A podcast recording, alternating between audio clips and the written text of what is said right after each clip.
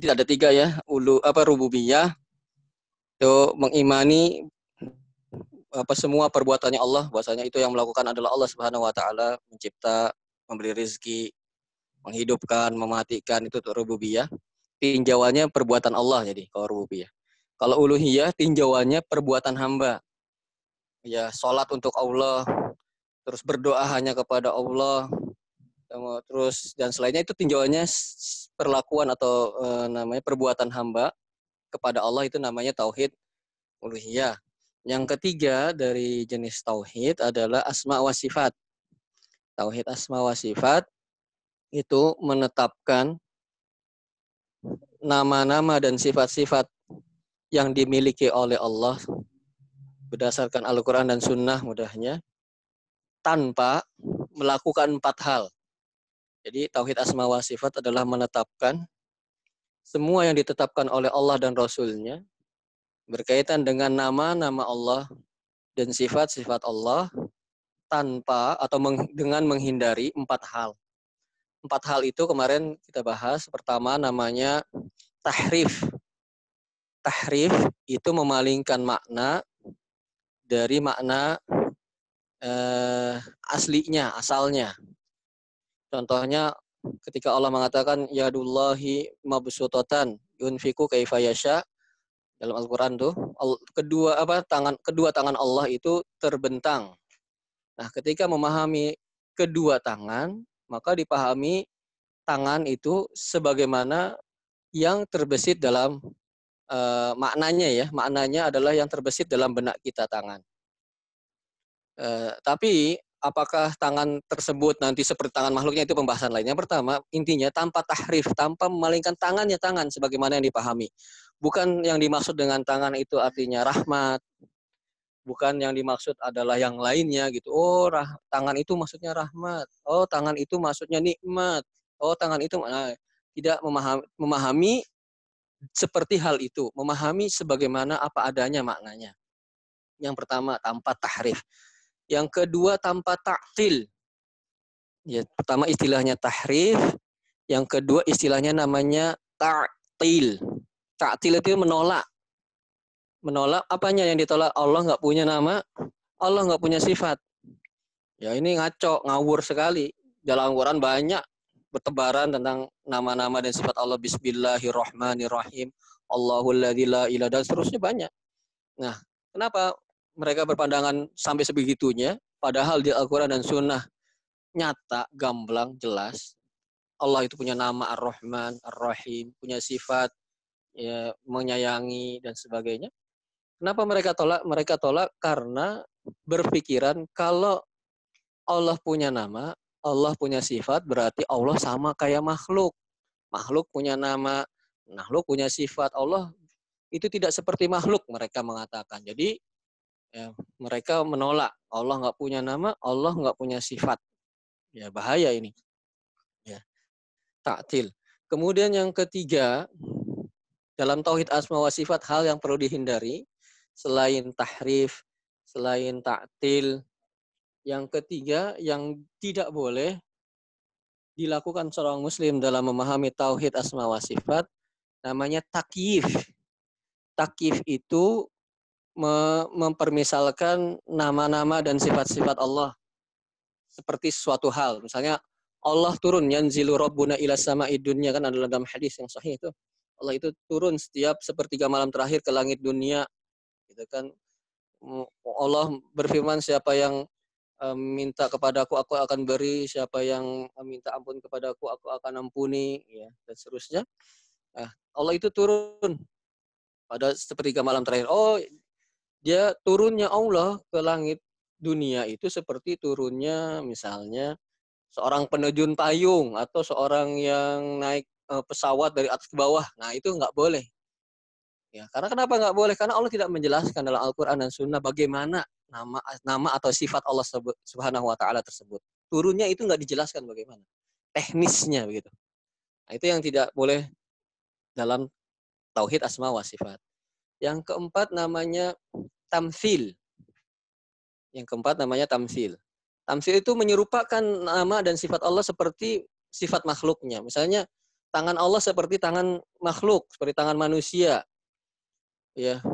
Allah memiliki wajah, wa yabqa wajhu rabbika dzul jalali wal ikram. Allah memiliki wajah. Oh, wajahnya Allah itu seperti wajahnya makhluk gitu. Demikian punya ini, punya itu seperti makhluk persis. Itu yang dihindari. Jadi dalam tauhid asma wa sifat ada empat hal yang perlu dihindari. Pertama namanya eh, tahrif. Tahrif tadi memalingkan makna aslinya ke makna yang lain. Yang kedua namanya taktil, menolak sifat-sifat Allah, nama-nama dan sifat Allah. Yang ketiga namanya takyif, mendeskripsikan, menjelaskan detail teknis sifat-sifat Allah Subhanahu wa taala. Yang keempat itu tamsil, menyerupakan Allah dengan makhluknya. Itu yang disebut dengan tauhid asma wa sifat. Sebenarnya tauhid pembahasan tauhid asma wa sifat sekali lagi pembahasan kita materi kita tidak berkaitan dengan jenis tauhid ini karena ini uh, bukan untuk pemula begitu yang masuk ke dalam pembahasan tauhid asma wa sifat. Uh, tahapannya nanti kalau kita telah belajar uluhiyah dan familiar dengan uh, uluhiyah dan istilah-istilah di dalamnya, baru kita melanjak ke tauhid asma wa sifat. Ya, tauhid asma wa sifat itu sebetulnya mudah, gampang, simple. Yang bikin ribet tentang pembahasan asma wa sifat, tauhid asma wa sifat adalah sekte-sekte, golongan-golongan, firqoh-firqoh di dalam Islam yang mereka memahami tidak sebagaimana mestinya karena masuknya filsafat Yunani ke dalam agama Islam. Ya, diterjemahkannya buku-buku filsafat Yunani akhirnya uh, dikonsumsi oleh kaum muslimin akhirnya terinspirasi dari hal-hal filsafat tersebut dalam permasalahan tauhid akhirnya nyeleneh. Akhirnya tergelincir. Nah, itu sebetulnya yang bikin jelimetnya. Sebetulnya mudah tetapkan aja yang Allah tetapkan nama Allah itu sifatnya itu sudah beres gitu ya. Bikin jerimet itu ngurusin itu penyimpangan-penyimpangan dalam tauhid ini, membantah apa namanya eh, pendapat-pendapat yang menyimpang itu yang itu yang bikin jelimetnya. Jadi mudahnya tauhid asma wa menetapkan semua yang ditetapkan oleh Allah dan Rasulnya baik dalam Al-Quran atau Sunnah yang berkaitan dengan nama-nama dan sifat-sifat Allah. Itu mudahnya simpelnya begitu. Nah, buku kitab kitab tauhid yang kita bahas ini sangat sedikit membahas ya, paling berapa persen enggak 10 persen tentang tauhid asma wa sifat. Mayoritasnya adalah tauhid uluhiyah karena memang realitas yang terjadi eh, apa namanya eh, penyimpangan yang fatal itu dalam jenis tauhid ini. Penyimpangan dalam tauhid ini bisa menyebabkan seorang keluar dari Islam. Ya bisa mereka keluar dari Islam gitu. Adapun permasalahan apakah setiap orang yang melakukan kesyirikan itu pasti otomatis ya ya dia langsung menjadi kafir begitu. Allah alam bisawab yang saya yakini sampai saat ini yang saya pahami gitu ya tidak semua orang yang melakukan ke perbuatan kekufuran, kesyirikan itu difonis kafir atau difonis uh, keluar dari agama Islam. Ada uh, hal yang menghalangi mereka keluar dari Islam yaitu ketidaktahuan, al-jahal namanya, al-udru bil jahal. Ya, ketidaktahuan terhadap permasalahan ini. Ya, apabila seorang dia telah berusaha mencari. Jadi dirinci ya tentang Udur, udur itu apa sih? Hmm, artinya udur itu apa ya bahasa Indonesia-nya udur? Udur tahu ya? Udur bahasa Indonesia kayaknya udur itu. Keringanan. Rukhsah kalau keringanan. Udur itu nah, saya tahu ya gimana sih ya. Kadang-kadang bahasanya sulit dicari padanannya ya.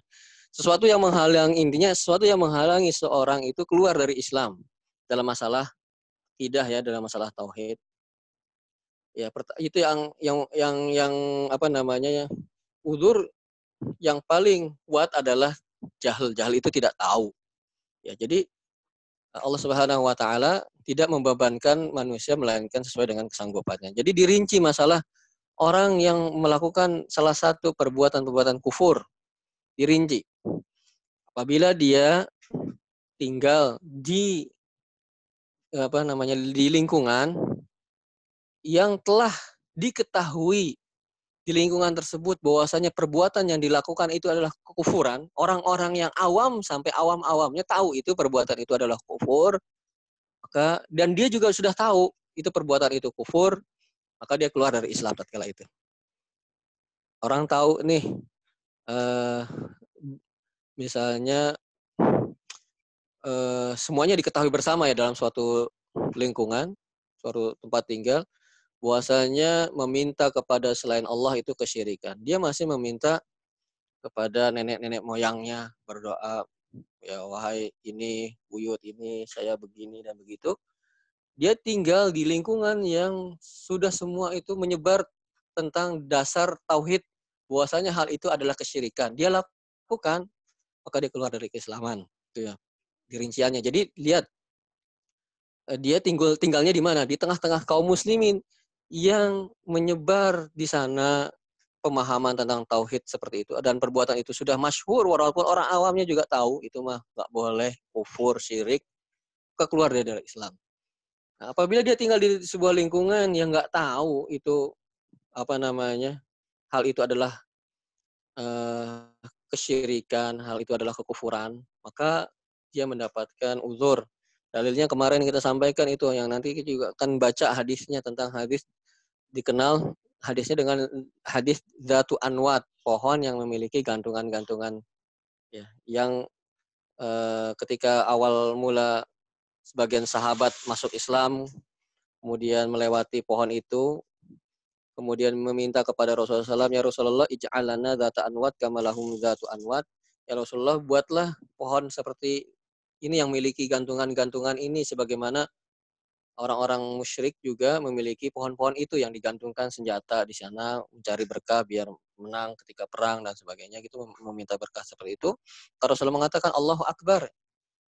Kalau mengatakan Allah Akbar. Ya. Kalian melakukan seperti apa yang dikalu kultum kama qalu qala banu Israil Musa. Ij'alana ilahan kama lahum alihah.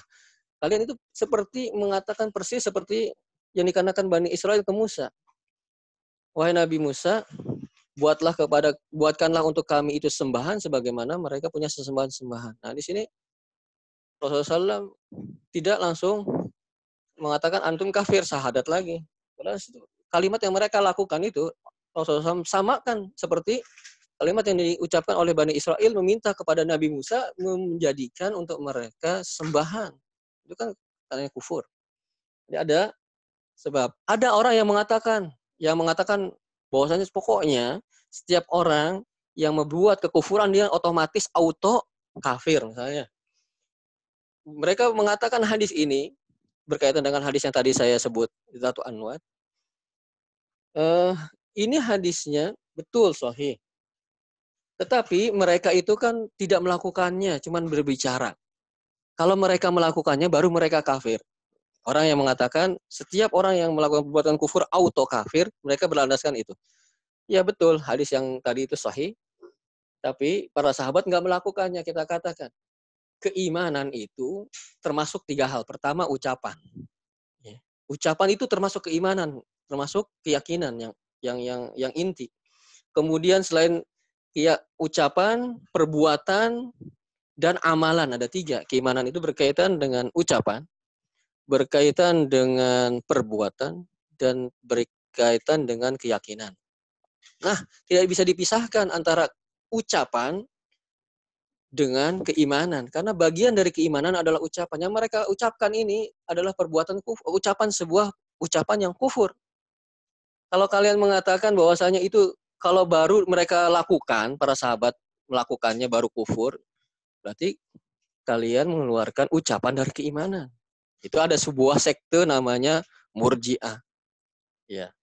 Apa pun yang dilakukan, ya, uh, imannya itu tetap ya walaupun apa yang dia lakukan membatalkan keimanan selama asal yakin aja ya maka tidak mengeluarkan seorang pelakunya berarti kalian mengeluarkan ucapan dari keimanan sedangkan ahlu sunnah wal jamaah meyakini keimanan itu bagiannya adalah ucapan termasuk di dalam. Ada ucapan-ucapan yang kufur. Apakah orang mengatakan ada sembahan selain Allah tidak kufur? Itu ucapan yang kufur. Tapi apakah pelakunya itu kufur? Terinci. Begitu loh. Jadi itu yang berkaitan dengan tauhid asma wa sifat dan orang yang terjatuh ke dalam kesyirikan apakah langsung difonis kafir maka jawabannya Allah alam bisawab tidak karena ada uzur dirinci lagi dia hidup di mana telah menyebar enggak tentang permasalahan itu kemudian apabila uh, kedua pelakunya tidak mau mempelajari atau berpaling dari agama, nggak mau belajar agama, kemudian dia jatuh ke dalam kekufuran, maka nggak ada ulur hal itu. Karena dia nggak mau mencari tentang kebenaran. Berbeda halnya dengan orang yang sudah mencari belajar agama, cuma nggak ketemu, ketemunya yang itu. Ya ketemunya bahwasanya misalnya e, meminta misalnya meminta kepada selain Allah itu bukan kesyirikan misalnya dia udah mencari ke sana kemari tapi yang didapati itu maka Allah alam bisawab ada uzur baginya. Kecuali dia berpaling ya nggak mau ah nggak mau belajar sama sekali belajar agama kemudian dia jatuh ke dalam kekufuran maka Allah alam bisawab tidak ada udur tatkala itu. Gitu. jadi gimana Mas Ardi? Jadi pahami siap siap. Jazakallah khair ya ada pertanyaan susulan ada boleh emang ya, ya boleh boleh baik um, masih terkait dengan uh, topik tambahan kan kali katanya sebenarnya aslinya nggak membahas ini ya karena porsinya nggak nggak banyak. Um, sebenarnya pertanyaan agak-agak mirip gitu. Seperti yang kita pahami bahwa kalau di Indonesia sendiri memang ada beberapa sekte kan uh, ustadznya ustadz bilang kayak menggunakan kata sekte gitu yang meyakini bahwa um, Allah di mana-mana misal atau enggak Allah berada di nadi di nadi manusia gitu kan. Yang yang saya pahami itu menyelisihi uh, menyelisihi lalu sunnah gitu. Lalu pertanyaannya adalah apakah orang-orang tersebut yang menyelisihi ini itu lagi-lagi jatuh pada kekafiran? Gitu? Ya. Apa hanya segolongan yang sudah belajar saja atau hanya ustadznya malah mungkin yang bisa jatuh pada kekafiran gitu? Karena pernah saya baca beberapa artikel gitu kalau ulama ulama-ulama salaf itu justru untuk yang tidak meyakini bahwa Allah bersemayam di atas ars itu bisa jatuh pada kekafiran dikarenakan banyaknya ayat yang menyatakan hal demikian. Hmm. Kayaknya itu aja Ustaz. Eh, insya Allah nanti ada sedikit kita bahas itu Allah hmm, akidah al-sunnah meyakini bahwasanya Allah itu beristiwa ya bersemayam di atas ars. Banyak ya. ayatnya Ar-Rahmanu ala arsyistawa dan sebagainya. Uh, apakah orang yang mengatakan Allah di mana-mana di kufur tadi kita rinci ya kita rinci sebagaimana timbangan apakah kufurnya pelaku yang berbuat uh, sebuah perbuatan atau amalan yang kufur apakah dia serta merta keluar maka kita rinci. Tadi rinciannya tadi telah disebutkan kan? Uh, kalau dia meyakini hal tersebut padahal dia setelah ketahui bahwasanya begitu banyak menunjukkan Allah itu di atas Allah itu di langit tepatnya mana? Di atas ars e, lebih spesifik lagi Allah itu berada di atas di atas langit di atas langitnya di mana di atas ars tatkala dia telah mengetahui bahwasanya Allah berada di atas ars dan sudah jelas baginya tapi karena banyak hal dia menyelisihinya maka dikhawatirkan dia keluar dari Islam setelah dia mengetahui. Adapun yang selain itu yang tadi yang sesuai dengan yang kita sebutkan pada sebelumnya ya bagi orang yang dia belajar kemudian dia taunya itu dan dia apa namanya eh, terpengaruh dengan itu dia nggak tahu bahwasanya Allah itu di atas ars atau masih nggak jelas penjelasannya orang yang mengatakan Allah di atas ars itu enggak. Misalnya kan orang yang datang kepadanya itu sulit menjelaskan dengan penjelasan yang dia pahami, maka Allah alam bisawab dia mendapatkan uzur. Masih intinya pokoknya semua hal yang berkaitan dengan kekufuran, ucap baik ucapan, perbuatan dan lainnya apabila seorang melakukannya, maka tadi rinciannya, apakah dia hidup di tengah-tengah kaum muslimin yang telah menyebar pengetahuan tentang bahwasanya suatu yang dilakukannya itu kufur atau tidak. Kalau dia tidak tinggal bersama kaum muslimin, jelas dia mendapatkan uzur. Orang-orang yang di pedalaman, yang dia Islam, kemudian cuma dia di pedalaman nggak ketemu siapa-siapa, insya Allah mendapatkan uzur. Atau dia tinggal bersama kaum muslimin, tapi di tengah-tengah kaum muslimin pun permasalahan itu tidak tidak jelas atau tidak diketahui, maka dia mendapatkan uzur. Nah, apabila dia hidup dengan tengah kaum muslimin dan telah menyebar tentang permasalahan tauhid tersebut dan dia telah tahu kemudian dia mengingkari, mengingkarinya, maka dikhawatirkan dia keluar dari Islam atau dia tidak mau belajar sama sekali. Gak mau ah saya nggak mau berlepas gitu ya. Lost belajar ilmu agama tatkala dia melakukan hal tersebut dikhawatirkan maka tidak ada udur tatkala itu. Intinya gitu. Itu berlaku pada semua ucapan, perbuatan yang berkaitan dengan kekufuran. Gimana Mas Ardi? Jazakallah khair. Terima kasih jelas. Eh, kita lanjutkan ya pembahasan kita ya. Bisa dilihat di slide-nya kali tentang bab kedua Fadlu Tauhid, keistimewaan Tauhid dan wama yukafiru minadunub dan dosa-dosa yang diampuni karena tauhid ya. Jadi keutamaan tauhid dan juga keutamaan salah satu keutamaan tauhid yang spesial makanya disebutkan di sini adalah tauhid itu bisa menggugurkan, menghapus dosa-dosa. Kemarin kita bahas apa dalilnya bahwasanya tauhid itu uh, keutamaannya salah satunya yang yang apa salah yang terbesarnya adalah menggugurkan dosa-dosa sebuah ayat ya alladzina amanu wa lam yalbisu imanahum bidzulmin ulaika lahumul amnu wa hum. Orang-orang yang beriman dan tidak mencampurkan keimanan mereka dengan kezaliman, maka yang dimaksud dengan kezaliman di situ adalah syirik. Ya. Bagaimana dia katakan inna syirka ya bunaya la tusyrik billah inna syirka la dzulmun azim. Eh, syirikan itu adalah sezalim-zalimnya kezaliman. Maka yang dimaksud dalam ayat tadi walam yalbisu imanahum bidzulmin yang men, tidak mencampur adukan antara keimanan mereka dengan kesyirikan, maka lahumul amnu, mereka mendapatkan keamanan di mana di dunia dan di akhirat.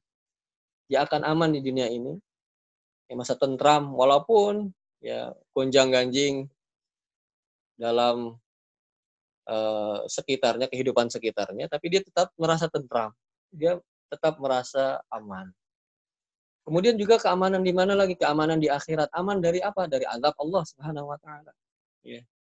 Ya kan orang-orang yang bertauhid akan aman ketika akhirat dari azab dari Allah Subhanahu wa taala dan wahum muhtadun. Mereka itu mendapat hidayah. Hidayahnya di mana? Di dunia dan di akhirat.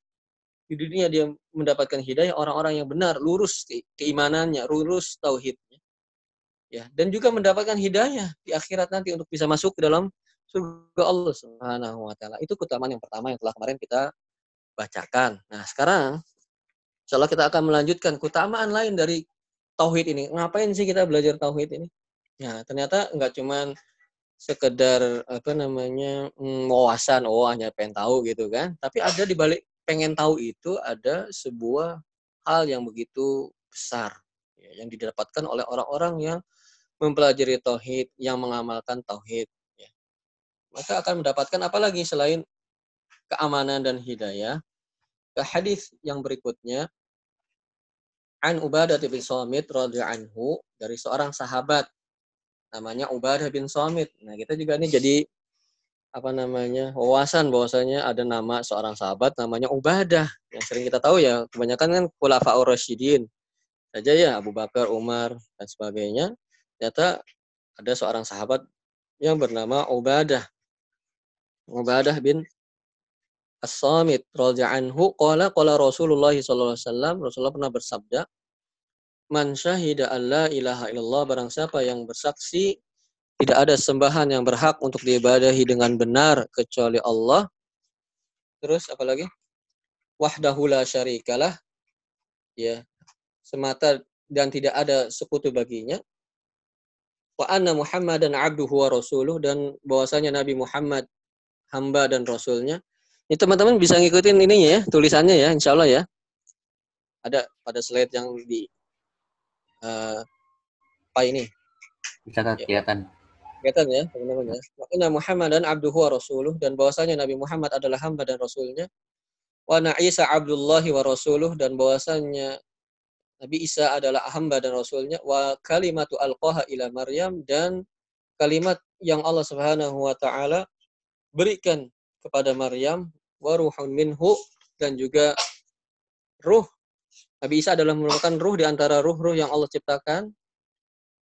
Terus wal jannatu haqqun wal jannatu haqqun dan mengakui meyakini bahwasanya surga itu ada wan naru haqqun dan juga Eh, neraka itu ada, ada Allahul jannata ala makana minal amal. Maka niscaya Allah akan memasukkannya ke dalam surga apa pun amalan yang dia telah lakukan. Hadis yang sahih diberikan oleh Imam Bukhari dan Muslim. Ya, teman-teman yang dirahmati Allah Subhanahu wa taala dalam hadis ibadah ini bagi orang-orang yang ingin masuk surga walaupun apa pun amalan yang dia lakukan maka ada beberapa hal yang perlu dia lakukan. Sini pertama kali man syahida Allah ilaha illallah. Barang siapa bersaksi bahwasanya la ilaha illallah. Pertama, kalau kita ingin masuk surga, walaupun amalan kita seperti apa, walaupun amalan kita itu sangat super ringan sekali, ya, maka ada beberapa hal yang harusnya kita perhatikan. Yang pertama, bersaksi la ilaha illallah. Bersaksi la ilaha illallah. Perlu diketahui ya, mungkin telah kita bahas juga, tapi nggak apa-apa mengulang. Makna la ilaha illallah yang tepat bukan sebagaimana yang kita pahami dari sejak dahulu kala gitu ya. Kalau kita kan dahulu kala, once upon a time itu, kita memahami la ilaha illallah itu kan tidak ada Tuhan selain Allah. Ya, makna tersebut bukan makna yang tepat untuk kalimat la ilaha illallah. Tidak ada Tuhan selain Allah. Kita lihat ada Tuhan selain Allah. Iya enggak? Agama A Tuhannya A. Agama B Tuhannya B. Ya ada Tuhan selain Allah. Maka makna yang tepat yang dimaksud dengan la ilaha illallah adalah la ma'bu, bahasa Arabnya la ma'budu bihaqqin illallah. Tidak ada satupun sesembahan yang berhak untuk diibadahi dengan benar kecuali Allah. Ya, jadi makna la ilaha illallah yang tepat adalah tidak ada satupun sesembahan yang diibadahi, yang berhak untuk diibadahi kecuali Allah. Jadi sembahan itu ada selain Allah ada. Apakah mereka sembahan yang benar? Bukan, mereka sembahan yang batil. Yang berhak hanya untuk diibadahi adalah Allah Subhanahu wa taala saja. Enggak boleh, yang lain enggak boleh. Jadi dalam permasalahan la ilaha illallah sebagaimana telah disebutkan pada kajian sebelumnya harus ada dua rukun, isbat dan nafi ya, atau nafi dan isbat. Ya. Me nolak, mengingkari semua sembahan, kemudian menetapkan hanya Allah satu-satunya yang boleh diibadahi. Ya, pada makna la ilaha illallah. Jadi sembahan selain Allah, Tuhan A, Tuhan B, Dewa A, Dewa C, ya, Dewa 19, dan dewa-dewa yang lain, dan Tuhan-Tuhan yang lain, itu tidak boleh diibadahi. Gak boleh, oh jangan ngaku paling bener lah, ya ini masing-masing aja lah. Enggak, kalau begitu belum benar la ilaha illallahnya. Belum benar pemahaman dan keyakinan seorang muslim terhadap la ilaha illallah sampai dia menolak, sampai dia mengingkari, sampai dia kafir kepada sembahan selain Allah.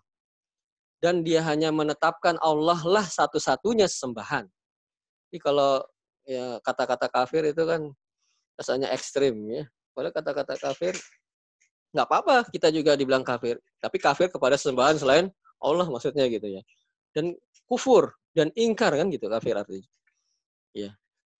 Kufur terhadap sesembahan selain Allah dan menetapkan Allah lah hanyanya hanyalah satu-satunya sesembahan. Nah, itu. Nggak boleh ya Allah boleh, selain Allah ya benar juga sih ya tergantunglah masing-masing aja gitu. Jangan sok merasa paling benar. Ketika itu rusak itu akidahnya, tauhidnya rusak. Seorang muslim harus ketika dia meyakini la ilaha illallah harus mengingkari kufur, menolak semua sesembahan dan hanya menetapkan Allah satu-satunya sesembahan. Jadi makna la ilaha illallah itu demikian. Bukan makna la ilaha illallah ada banyak versi yang memahami makna la ilaha illallah. Ya. Ada yang mengatakan bahwasanya makna la ilaha illallah itu artinya tidak ada yang men, yang mencipta selain Allah. Maknanya la ilaha illallah tidak ada pencipta selain Allah. Dia menafsirkan makna la ilaha illallah dengan tauhid rububiyah saja. Sedangkan tauhid rububiyah pun diakui oleh orang-orang musyrik. Orang-orang musyrik juga kalau ditanya siapa menciptakan langit dan bumi, ya.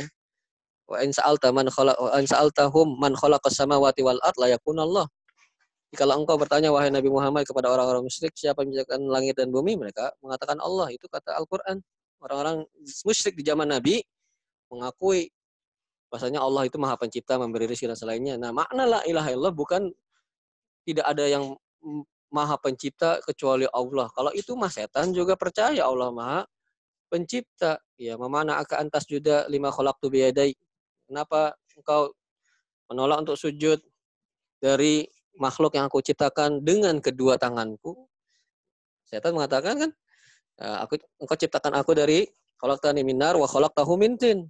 Ya, dia mengakui Allah Maha Pencipta. Jadi makna la ilallah bukan itu. Juga ada yang menafsirkan makna la ilallah yang rusak. Ya, tidak ada sesembahan kecuali Allah. Maksudnya apa? Semua yang disembah itu Allah. Kalau ada orang nyembah batu, beribadah kepada batu itu berarti dia menyembah kepada Allah. Karena tidak ada sesembahan kecuali Allah. Berarti setiap yang disembah itu Allah. Ada yang menyembah beribadah, melakukan ibadah kepada sapi. Ada nggak yang beribadah kepada sapi? Ah, nggak mungkin masa beribadah kepada sapi. Ada nggak? Kebo deh, kebo. Ada nggak orang beribadah kepada kebo? Ada nggak teman-teman? Ada ya. Ya, ada. selamat. Ada minta berkah, minta berkah itu ibadah loh. Ya, minta berkah kepada kotorannya. Alhamdulillah minta berkah kepada hewan, hewannya kotorannya lagi. Ya diusap-usap agar mendatangkan keberkahan. Na'udzubillah. Ya. Oh, berarti kalau orang nyembah uh, kerbau, berarti dia nyembah Allah karena la ilaha illallah. Itu rusak ya tafsirannya. Maka la ilaha illallah adalah tidak ada sembahan yang berhak diibadahi dengan benar ya kecuali Allah. Ada sembahan selain Allah, cuman mereka itu sembahan-sembahan yang enggak berhak untuk diibadahi. Allah mengatakan dalam surat Hud, "Fama agnat anhum alihatuhum allati yad'una min dunillahi min syai." Tidak bermanfaat ilah-ilah yang mereka seru selain Allah sedikit pun. Nah, Allah mengatakan fama agnat anhum alihatuhum. Tidak bermanfaat sekali. Ilah-ilah mereka, sembahan-sembahan mereka. Berarti ada sembahan selain Allah. Hanya saja sembahan itu tidak bisa bermanfaat sama sekali. Ya mendatangkan manfaat untuk dirinya saja tidak bisa. Apalagi untuk mendatangkan manfaat pada orang lain. Fama agnat anhum alihatuhum. Tidaklah bermanfaat. Ya. Untuk mereka sembahan-sembahan mereka itu yang diseru selain Allah min syai sedikit pun kata Allah dalam surat Hud ya berarti ada sembahan selain Allah hanya saja sembahan-sembahan itu adalah sembahan-sembahan yang batil tidak boleh ditujukan ibadah kepada mereka dan sembahan-sembahan itu pada hakikatnya bukanlah uh, sesuatu yang berhak untuk disembah. Ada di antara sembahan-sembahan itu cuma nama-nama aja. Ya namanya ini itu di balik itu nggak ada, zatnya nggak ada. Ya cuman hayalan ya. Dewa ini, dewa itu, ada nggak dewanya? Nggak ada. Cuma nama-nama aja. Kalaupun ada sembahan itu, maka sembahan itu pun tidak berhak untuk diibadahi. Contohnya Nabi Isa alaihissalam. Ada, Nabi Isanya ada, ya, real, tapi bukan sesuatu yang harus disembah. Bahkan eh, Nabi Isa itu abdun, seorang hamba, ya, seorang yang menyembah, bukan yang disembah. Nah, intinya ketika seorang ingin ya meyakini atau seorang ingin masuk ke dalam surga walaupun amalan yang dia lakukan adalah uh, jauh dari kesempurnaan, maka yang pertama kali dilakukannya adalah dia bersaksi la ilaha illallah. Dia menetapkan kufur terhadap semua sembahan selain Allah dan menetapkan ibadahnya, sembah menyembahnya hanya kepada Allah Subhanahu wa taala saja. Dan ini juga bukan cuman orang-orang yang mengucapkan la ilaha illallah gitu. Apakah setiap orang yang mengucapkan la ilaha illallah masuk surga? Penjawabannya tidak. Ya, walah Ngapain kok gitu? Karena ada syarat dan ketentuan yang berlaku, ya. Syarat dan ketentuan berlaku nggak semua. Karena orang-orang munafik di zaman Rasulullah SAW pun ngakunya Islam kan bersahadat. Kalau cuman ngomong la ilaha illallah masuk surga orang-orang munafik masuk surga seharusnya tapi malah mereka masuk ke dalam neraka di dasarnya lagi innal munafikina fidarkil asfal minan nar orang-orang munafik itu tempatnya di dasar, di keraknya api neraka. Mereka mengucapkan la ilaha illallah. Orang menafikan dohirnya Islam. Nah, Islam ya bersahadat kan gitu ya. Ya. Tapi dalam hatinya tidak. Jadi ada syarat-syaratnya. Orang yang mengucapkan la ilaha illallah itu ada syarat-syaratnya. Kapan bermanfaat la ilaha? Kalau orang mengucapin la ilaha 70 ribu kali, tapi dia melakukan pembatal la ilaha illallah sama saja tidak bermanfaat. walaupun seorang misalnya berbuat syirik, naudzubillah, dia sambil mengucapkan la ilaha illallah, la ilaha illallahnya nggak bermanfaat karena dia melakukan pembatal-pembatal dari la ilaha illallah. Maka ada syaratnya. La ilaha illallah itu ada tujuh syaratnya. Orang yang mengucapkan la ilaha illallah itu memiliki syarat-syarat dan syarat-syaratnya ada tujuh. Yang pertama, dia paham tentang makna yang dia ucapkan la ilaha illallah itu paham artinya apa. Maksudnya apa? Ya. Tadi kita katakan maksudnya adalah hanya menetapkan Allah satu-satunya yang boleh diibadahi dengan benar. Semua sembahan itu sembahan yang batil maknanya. Ya. Padahal fa'lam annahu la ilaha illallah. Tahuilah, ilmuilah bahwasanya la ilaha illallah. Jadi harus tahu orang yang mengucapkan la ilaha itu apa artinya la ilaha illallah. Jangan cuma la ilaha illallah tapi nggak tahu, nggak paham. Ya, orang-orang musyrik di zaman Rasulullah SAW itu diajak la ilaha illallah nggak mau. Kenapa? Karena paham maksudnya apa. Ya, bukan nggak paham mereka. Makanya mereka nggak mau. Ya, orang-orang musyrikin di zaman Nabi SAW, ketika di, diseru kepada mereka la ilaha illallah, maka mereka nggak mau. Kenapa nggak mau? Karena tahu maksudnya la ilaha illallah itu apa. Ya, makanya mereka mengatakan dalam surat Sot itu ayat 5, aja alal alihata ilaha wahida. Jika diajak kepada mereka la ilaha illallah, apakah dia katanya, kata orang-orang musyrik itu Nabi, maksudnya Nabi Muhammad. Apakah dia ingin menjadikan ilah-ilah ini cuma satu ilah saja? Inna adalah syai'un ujab. Ini suatu yang aneh kata mereka. Jadi konsekuensi la ilaha illallah itu cuma satu saja ilah yang boleh diibadahi dengan benar. Semuanya nggak boleh. Semuanya nggak boleh ditujukan ibadah. Ibadah itu luas. Ya, berdoa, menyembelih, ya bernazar, ya. Semua itu adalah bentuk-bentuk ibadah dan semuanya nggak boleh kecuali kecuali hanya ditujukan kepada Allah. Nah, mereka mengatakan ketika disuruh itu la ilaha illallah nggak mau karena tahu berarti orang-orang musyrik nggak boleh apa namanya uh, berdoa atau beribadah kepada berhala-berhala yang lain. Kan mereka orang-orang musyrik itu beribadah kepada Allah juga beribadah kepada selain Allah. Mereka maunya begitu, katanya ah kami aja beri ibadah sama Eh, sembahan-sembahan sama berhala-berhala kami aja belum tentu dikabulkan apalagi cuma sama Allah doang mereka berpikir demikian gitu kan maka ya beribadahnya ke Allah juga beribadahnya kepada uh, berhala-berhala mereka yang diturunkan cara turun menurun ya oleh bapak-bapak moyang mereka begitu cara ibadahnya ya beginilah kami beribadah begitu kan maka yang pertama kali orang yang mengucapkan la ilaha illallah itu harus paham makna dari la ilaha illallah yaitu menolak, mengingkari, mengkufuri semua sembahan dan menetapkan hanya Allah satu-satunya sembahan. Yang kedua, harus yakin, jangan tahu doang. Orang orang musyrik juga tahu ilah tapi nggak yakin apa yakin bahkan orang-orang musyrikin. Jadi yang kedua harus yakin, jangan ragu. Ah, la ilaha illallah ah iya apa enggak ya? Ah, ya, maka tidak bermanfaat tatkala ragu terhadap makna la ilaha illallah, maka seorang itu belum dikatakan mengucapkan la ilaha illallah secara sejatinya. Ya. Jadi keimanan seorang mukmin itu tidak ragu terhadap agamanya, terutama tentang ketuhanannya. Innamal mu'minuna alladzina amanu billahi wa rasulih tsumma lam yartabu. Sungguhnya orang-orang mukmin adalah orang-orang yang beriman kepada Allah dan Rasulnya dan mereka tidak ragu. Jadi orang-orang mukmin itu tidak meragukan. Ya. Kemudian yang ketiga ikhlas mengucapkannya nggak dipaksa. Ya. Kemudian yang keempat, jujur dalam mengucapkannya. Jujur. Yang kelima, dia mencintai kalimat tersebut ketika diucapkan la ilaha illallah, nggak dongkol hatinya. Ketika melihat tulisan la ilaha illallah, nggak sempit jiwanya. Ada ya orang-orang, na'udzubillah, melihat kalimat la ilaha illallah kayaknya gerah, ya. Kayaknya maunya merusak.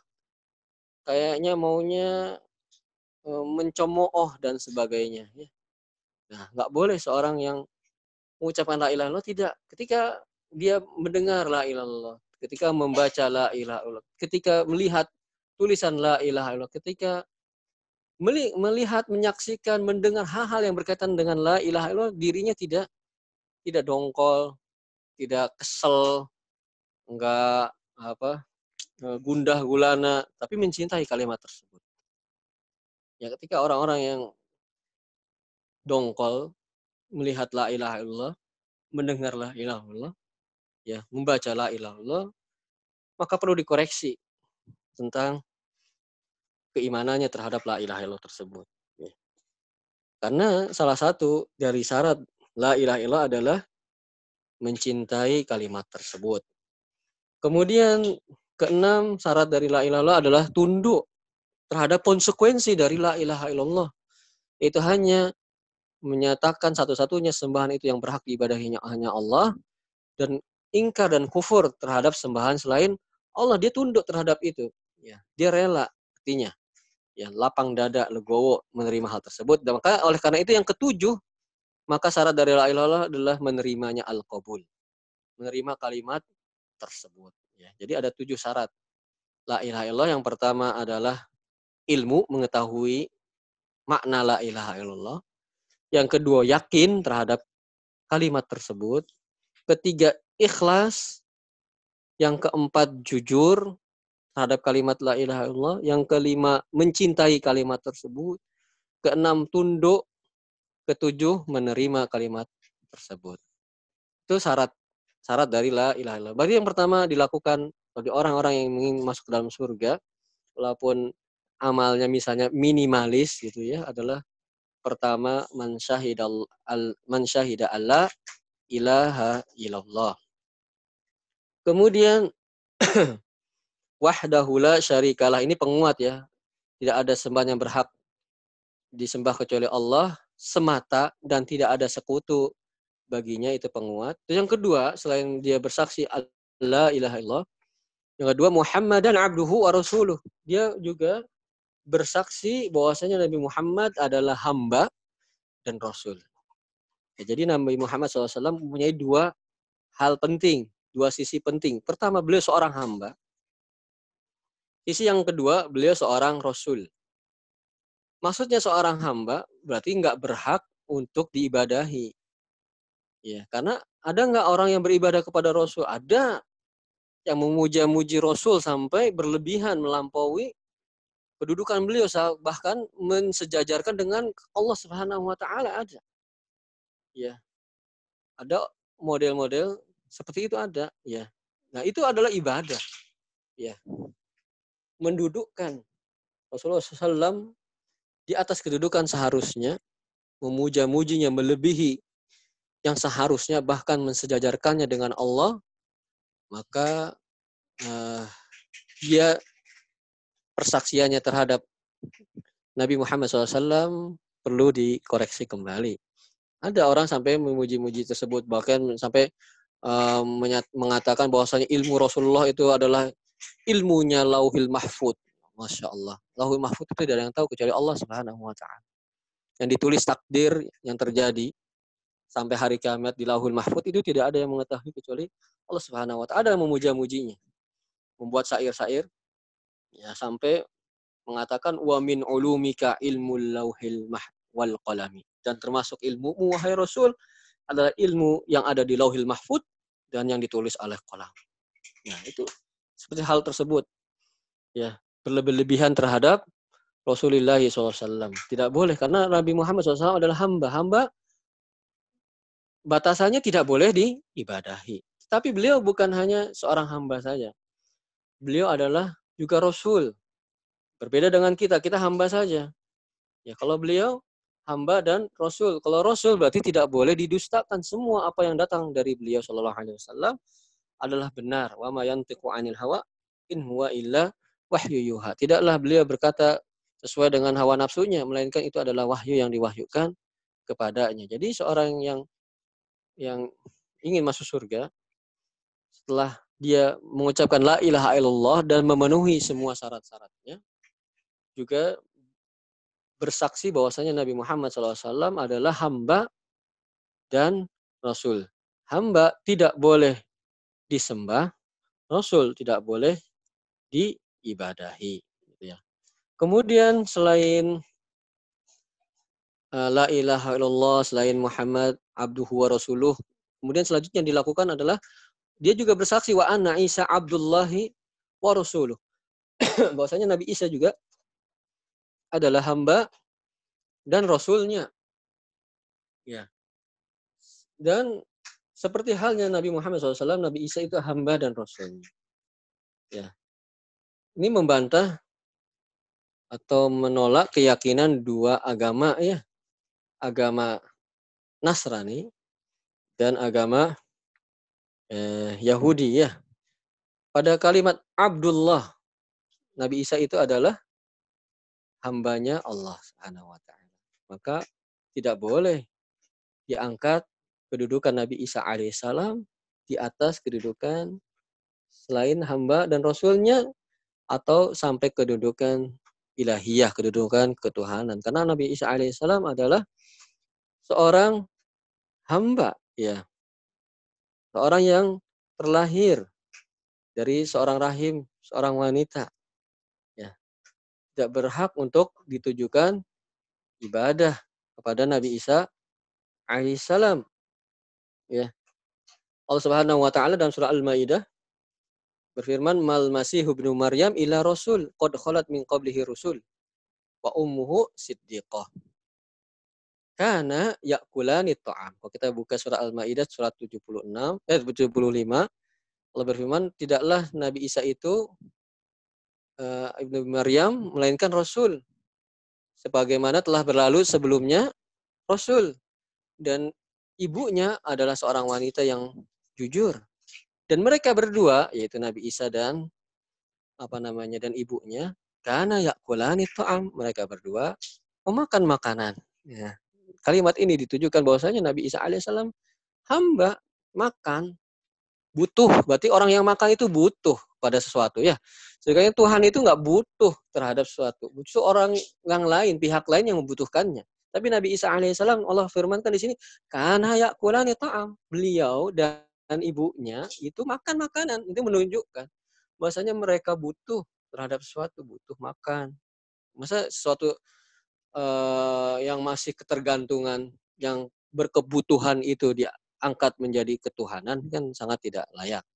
Nah, itu adalah bantahan bagi orang-orang Nasrani bahwa Nabi Isa alaihissalam adalah hamba. Dan juga bantahan terhadap orang-orang Yahudi bahwa Nabi Isa alaihissalam adalah rasul, seorang yang diutus oleh Allah Subhanahu wa taala yang yang tidak boleh didustakan ya. Sebagaimana halnya orang-orang Yahudi, orang-orang Yahudi mereka mendustakan Nabi Isa alaihissalam sampai-sampai mereka ah, apa namanya e, merasa membunuh Nabi Isa alaihissalam sebagaimana dalam surah An-Nisa ayat 157 inna qatalnal masiha Isa dan Maryam. Mereka berkata, sungguh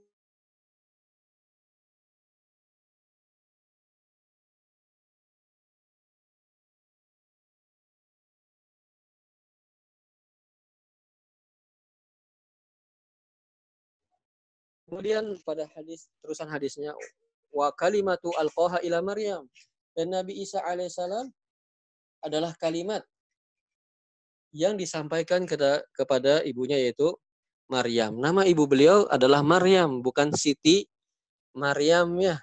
Kita salah salah salah duga namanya siapa? Siti Maryam. Atau namanya istri Nabi siapa? Siti Aisyah. Padahal nama istri beliau adalah hanya Aisyah, nggak ada Siti-nya. Siti itu panggilan orang-orang Mesir. Siti itu artinya kalau bahasa kitanya nyi nyi atau nyai gitu loh. Namanya bukan Siti. Siti itu bukan nama ya. Ini kepada ibunya Maryam. Nama namanya bukan Siti Maryam. Coba lihat deh di hadis ini nggak ada Sitinya kan. Coba lihat deh hadis-hadis yang dari ibunda kita uh, istri-istri Nabi SAW. Lihat ada Sitinya enggak? Nggak ada ya ada kolat Aisyah tuh anha dan sebagainya. Jadi nama beliau adalah Maryam bukan Siti Maryam. Dan Nabi Isa adalah kalimat yang Allah berikan Allah sampaikan kepada Maryam yaitu ibunda dari Nabi Isa alaihissalam maksudnya apa kalimat yang Allah berikan yang Allah sampaikan kepada Maryam ibundanya? Maksudnya Nabi Isa alaihissalam itu diciptakan unik, tidak seperti yang lain.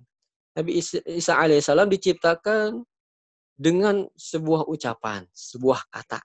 Makanya kalimat kalimat di sini maksudnya kata ini. Wa kalimatuhu alqaha ila Maryam dan kata ya kalimat bahasa Indonesia itu bahasa bahasa Indonesianya adalah kata. Bahasa Arabnya kalimat gitu loh. Jadi apa e, bahasa Arabnya kata kalimah gitu. Wa kalimatuhu alqaha ila Maryam dan kata sebuah kata yang ya kali kata yang berasal dari Allah Subhanahu wa taala yang Allah berikan kepada ibunda beliau yaitu Maria. Maksudnya Nabi Isa alaihissalam itu diciptakan dengan sebuah kata yaitu kun. Kun. Kun artinya jadikanlah. Ya atau jadilah. Ya kun artinya jadilah. Bagaimana dalam surah Ali Imran ayat 59 Allah berfirman inna masalah Isa indallahi kama sali Adam Sungguhnya permisalan Isa, perumpamaan Isa di sisi Allah seperti perumpamaan Adam.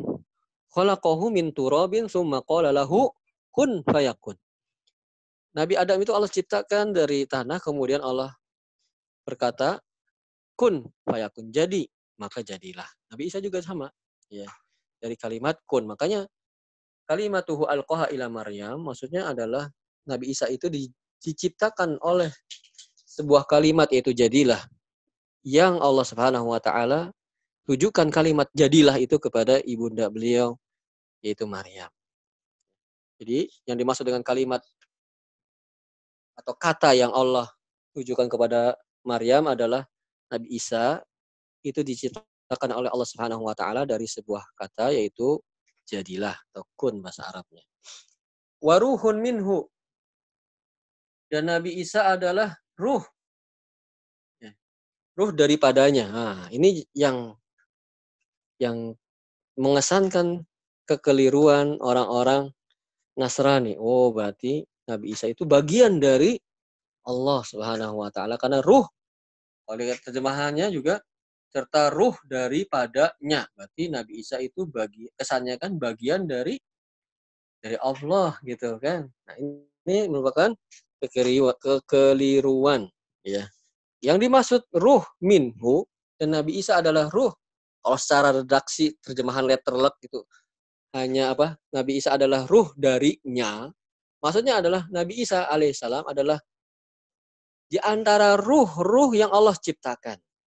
Ya, di antara ruh ruh yang Allah Subhanahu wa taala ciptakan. Salah satu ruh yang Allah ciptakan siapa? Nabi Isa alaihissalam. Jadi kata-kata minhu kalau dalam lafat bahasa Arabnya itu waruhun minhu dan ruh darinya kata min. Nah ini berkaitan dengan pembahasan bahasa Arab ya. Kata min ini nggak mesti harus bagian dari sesuatu sebelumnya. Ya. Bisa juga artinya minhu di situ artinya berasal artinya. Ruh yang berasal, yang diciptakan dari Allah Subhanahu wa taala. Yang penciptanya itu adalah Allah Subhanahu wa taala. Kok emang ada yang kayak gitu? Ada, coba deh. Ya. Buka surat Al-Jasiyah. Ada kata-kata minhu-nya juga sama kayak ini. Pada hadis ini, minhu waruhun minhu. Yang minhu minhu tapi itu bukan bagian dari Allah. Contohnya surat Al-Jasiyah kalau teman-teman sempat catat surat Al-Jasiyah ayat 13. Wasakhkhara lakum ma fis sama'i wa ma fil ard jami'an minhu. Artinya Allah Subhanahu wa taala menundukkan semua apa yang di langit dan di bumi untuk kalian minhu yang semua itu berasal darinya. Maksudnya semua itu diciptakan oleh Allah Subhanahu wa taala. Jadi semua apa yang di langit dalam surat Al-Jasiyah ayat 13 ini, semua apa yang di langit, semua apa yang di bumi itu Allah jadikan apa namanya? Allah tundukkan bagi manusia. Digunakan untuk kemaslahatan manusia. Semuanya itu. Dan semuanya itu minhu. Nggak mungkin semua apa yang di langit dan bumi itu bagian dari Allah. Bukan. Maksudnya apa? berasal dari Allah. Allah lah yang menciptakan semua apa yang ada di langit dan di bumi itu. Sama juga dengan redaksi hadis ini. Waruhun minhu dan ruh darinya maksudnya adalah ruh di antara ruh-ruh yang diciptakan Allah Subhanahu wa taala. Ini yang salah persepsi ya. Orang-orang minta oh berarti Nabi Isa itu bagian dari Allah bukan. Artinya ruh minhu di situ adalah salah satu ruh yang Allah ciptakan yang berasal dari Allah Subhanahu wa taala yang diciptakan oleh Allah Subhanahu wa taala. Selain itu wal jannatu haqqun wan naru haqqun dan meyakini adanya surga dan neraka ya. Jadi ada juga orang-orang loh yang nggak nggak nggak apa namanya nggak percaya adanya surga dan neraka ada. Jadi surga itu hanya uh, apa ya hayalan, kebaikan. Kalau orang kebaikan mendapatkan ini, neraka itu ya bukan arti sesungguhnya tapi hanya apa fantasi fantasi belaka begitu ya seorang yang ingin masuk ke dalam surga Allah Subhanahu wa taala maka dia meyakini benar adanya wal jannata haqqun wan naru haqqun. Maka ketika semua itu dilakukan syahadat la ilaha illallah ana Muhammadan abduhu wa rasuluh ana Isa abdullah wa rasuluh wal jannata haqq wan naru haqq apa yang Allah akan berikan ada khalaqullahu jannata ala ma kana minal amal Allah akan memasukkan dia ke dalam surga apa pun amalannya.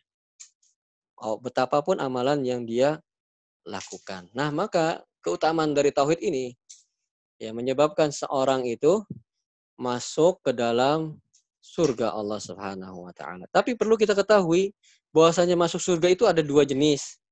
Adalah masuk surga secara sempurna, artinya langsung masuk surga tanpa diadab yang kedua ada masuk ke surga tapi tidak sempurna. Maksudnya apa? Dia di apa? dimasukkan ke dalam neraka dulu, di diadab dulu, kemudian tapi pasti akhirnya dia masuk ke dalam surga. Jadi keyakinan ahlu sunnah wal jamaah terhadap dosa selain syirik, maka seorang yang melakukannya mungkin Allah masukkan langsung, enggak Allah siksa, mungkin Allah siksa, terserah Allah. Kalau Allah mau ampuni, ampuni, kalau mau enggak, diadab dulu, adab dulu.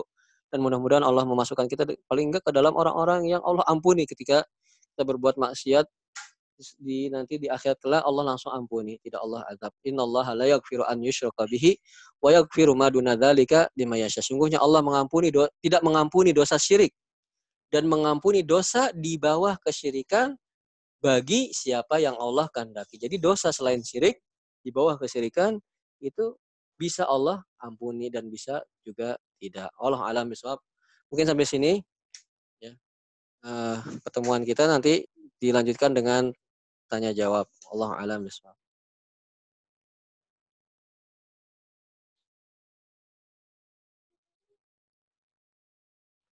Silakan.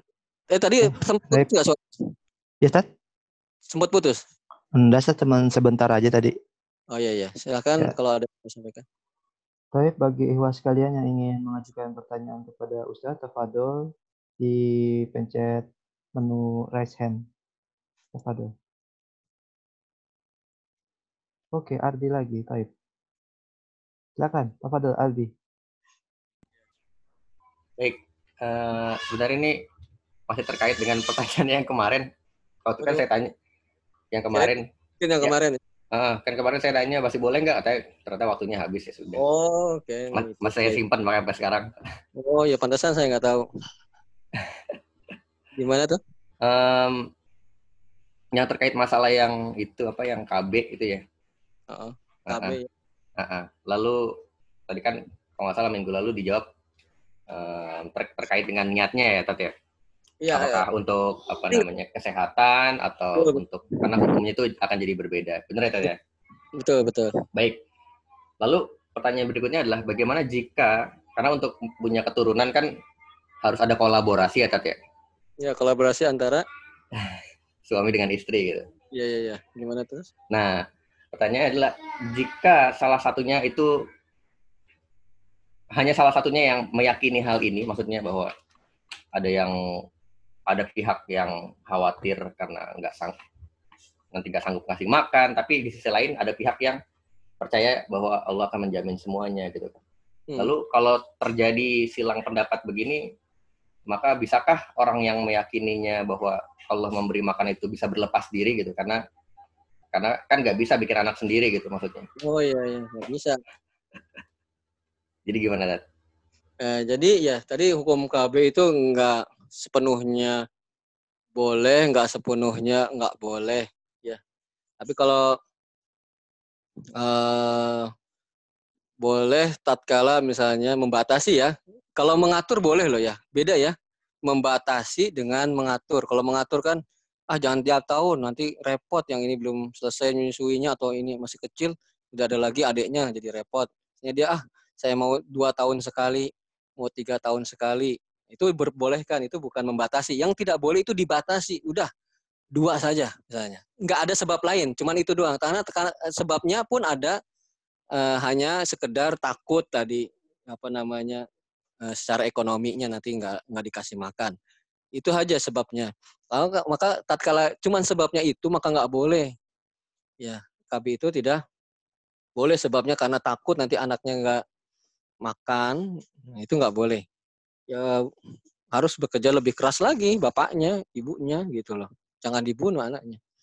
Ke apa namanya? Kalau ada sebab lain secara medis ya seperti ya nanti bahaya ini kalau hamil lagi wah seperti contohnya orang sesar sudah sudah banyak gitu sesarnya dan diteliti wah ini nggak sangat apa kemungkinan eh, mudorotnya itu lebih besar ya ketika itu ketika itu dibatasi boleh tatkala itu karena ada faktor lain di luar itu yang yang menyebabkan eh, bolehnya hal tersebut kan karena berdasarkan firman Allah Subhanahu wa taala wala tulqu biaidikum ila tahluka janganlah kalian menjemuskan diri-diri kalian kepada kebinasaan. Nggak boleh jadi kita menjerumuskan diri-diri kita sesuatu yang bahaya itu nggak boleh.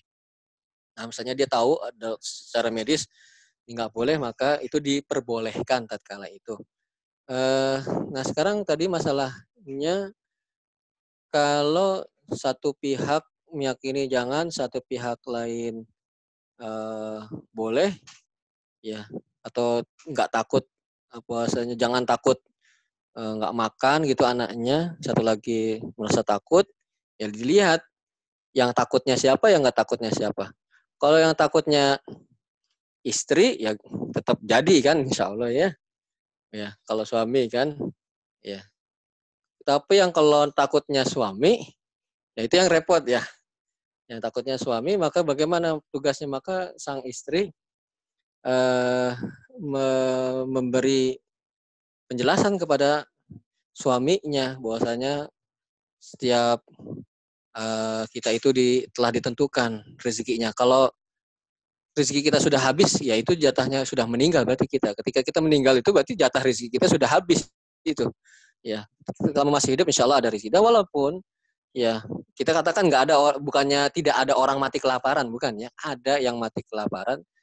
Cuman hanya keyakinan orang itu kan berbeda-beda terhadap bahwasanya Allah Subhanahu wa taala Maha pemberi rezeki. Semakin kuat keyakinannya terhadap itu, terhadap bahwasanya semua makhluk ini hidup ini Allah Subhanahu wa taala akan memberi rezekinya.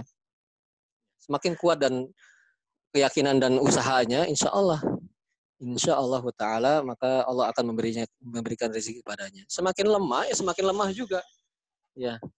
Eh, apa namanya? pemberian rezeki kepada orang tersebut. Jadi ketika keyakinan kita kepada Allah kuat, insya Allah ya maka Allah akan mudahkan, Allah akan bantu kita. Tapi ketika keyakinan kita kepada Allah Subhanahu wa taala bahwasanya Allah Maha Pemberi rezeki itu sangat rapuh, ya juga akan mengikuti nantinya. Ya, rezekinya juga akan sangat rapuh. Insya Allah percaya kepada Allah Subhanahu wa taala. Jadi perlu terus diberikan nasihat kepada orang yang takut punya anak karena apa namanya nanti nggak bisa makan anaknya ya perlu di, kita lihat betapa banyak orang yang pengen punya anak loh ini kok ada punya udah punya anak tapi takut itu sedangkan ada orang-orang di sana yang menginginkan anak tapi belum Allah Subhanahu wa taala karuniakan anak ini sudah diberikan kemudahan oleh Allah Subhanahu wa taala. Tinggal cari rezekinya yang sungguh-sungguh lagi dia malah takut gitu ya. Sesuatu yang sangat disayangkan sekali gitu loh.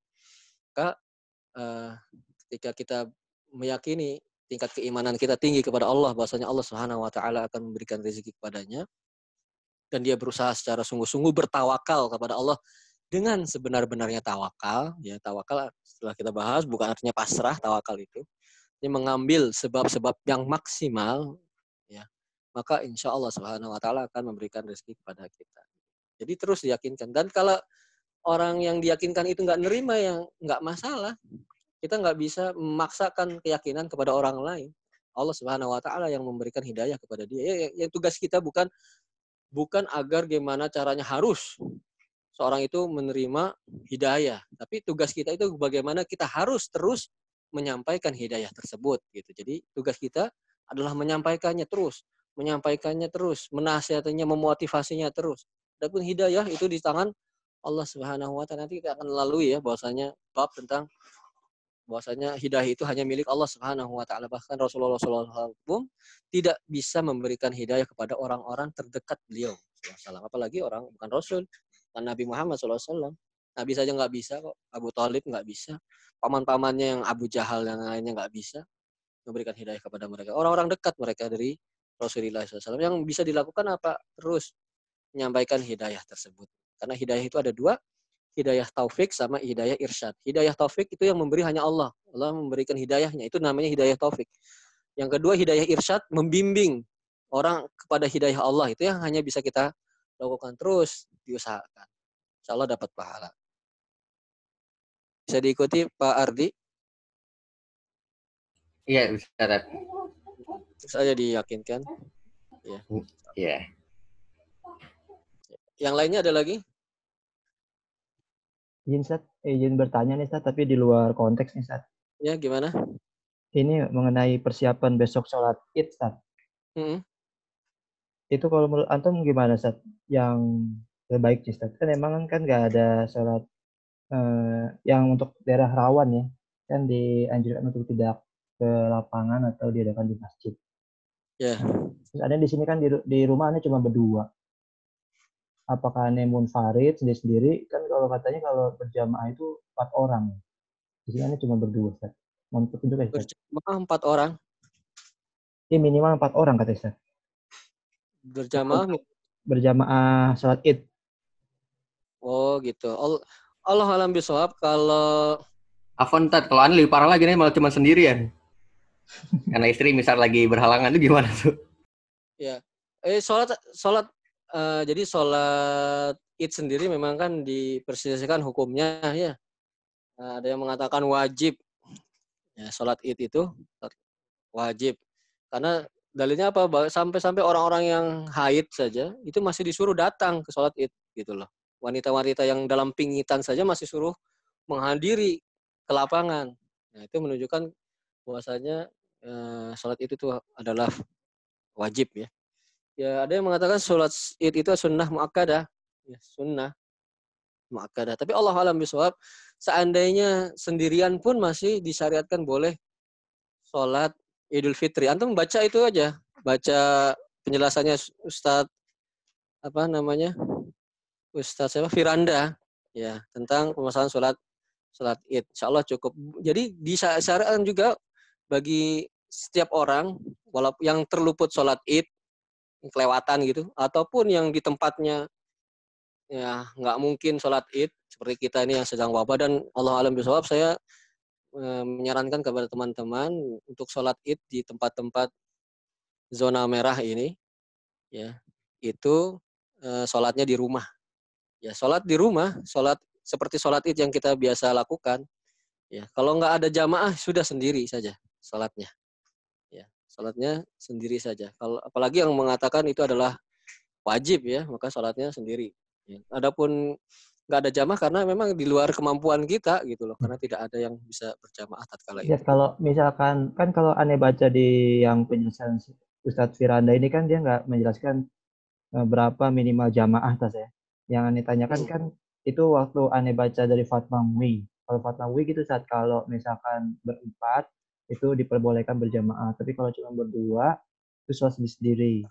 Nah kalau di penjelasan Ustadz Firanda untuk syarat jamaah itu enggak ada. Ustadz. Apakah kalau Nggak ada aneh pun sholat sholat id kalau beliau Ustadz? satu orang pun sholat Oh, jadi kalau misalkan aneh berdua boleh berjamaah Ustadz? boleh berdua berjamaah. Berdua boleh berjamaah ya Ustadz? Iya berdoa. Bahkan jangan berdua sendiri saja. Itu sholat id Siap. gitu loh. Ya karena lebih lagi ya ya banyak daripada usaha-usaha kita yang berpendapat sholat id itu wajib gitu loh. Wajib seandainya eh, cuma sendirian pun maka dilakukan sholat id tersebut sama tata caranya seperti sholat yang dilakukan berjamaah masih hafal ya tujuh takbir yang pertama lima takbir yang kedua kalau antum mau khutbah khutbah kalau enggak ya udah nggak apa-apa. Yang penting sholatnya itu. Ya. Khutbahnya karena antum ah saya belum pernah khutbah id nih ah sekarang nih waktunya nih. Ya hadirilah sholat id di rumah pai tapi undangan ke istri doang. Imam dan khutbah khotib Abdullah Rifai misalnya. Ya Ustadz. boleh insya Allah tapi kalaupun enggak ya udah sholat saja. Karena memandang wajibnya sholat tersebut. Allah alam sholat kenapa wajib? Karena tadi orang haid orang-orang yang dipingit ya orang-orang yang apa namanya gadis-gadis saja yang mereka itu layak tempatnya adalah di rumah disuruh keluar itu menandakan bahwasanya ada kewajiban di sana untuk menghadiri sholat id itu Allah alam bisawab. Ustadz, udah azan zuhur juga Ustadz? Bisa Taib, kita sampai sini dulu ya. Mungkin Ustaz. pekan depan libur dulu ya.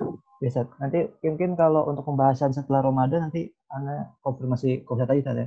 Iya, Taib. Kayaknya sih kayaknya waktunya jam. sama gitu, kayaknya. Baik Ustadz. Ya, tapi kalau ada perubahan nanti disampaikan insyaallah. Baik Ustadz. Allah alam. Subhanakallahumma wa bihamdika. wa bihamdika asyhadu an la ilaha illa anta astaghfiruka Jazakallahu khair pada Ustadz dan ikhwas sekalian. Assalamualaikum. Warahmatullahi wabarakatuh. Waalaikumsalam warahmatullahi wabarakatuh.